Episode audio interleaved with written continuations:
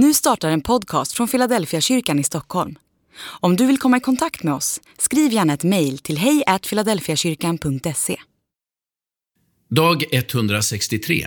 Vattendop och andedop.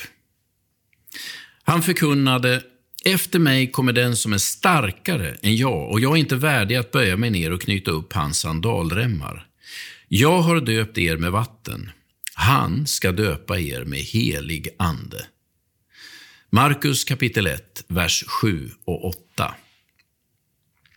Alla fyra evangelier säger samma sak om Jesus. Han ska döpa er med helig ande. Det återkommer också i inledningen till Apostlagärningarna. Ni ska bli döpta med helig ande om bara några, några dagar. Apostlagärningarna kapitel 1 och vers 5. Eftersom det upprepas i alla fyra evangelierna och i apostlagärningarna med sån tydlighet, så är det något mycket viktigt som förmedlas. Jag brukar läsa orden som en programförklaring till vad Jesus kommit för att göra.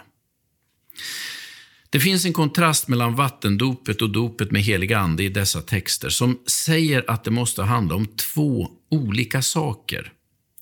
Jesus uppmanar sina lärjungar att döpa människor i Faderns, Sonens och den heliga Andens namn. Då handlar det utan tvekan om vattendopet.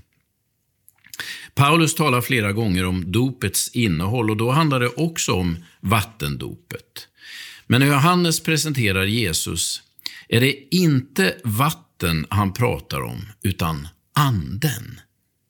Det är som om Johannes säger att det han har gjort handlar om utsidan och det Jesus gör handlar om insidan.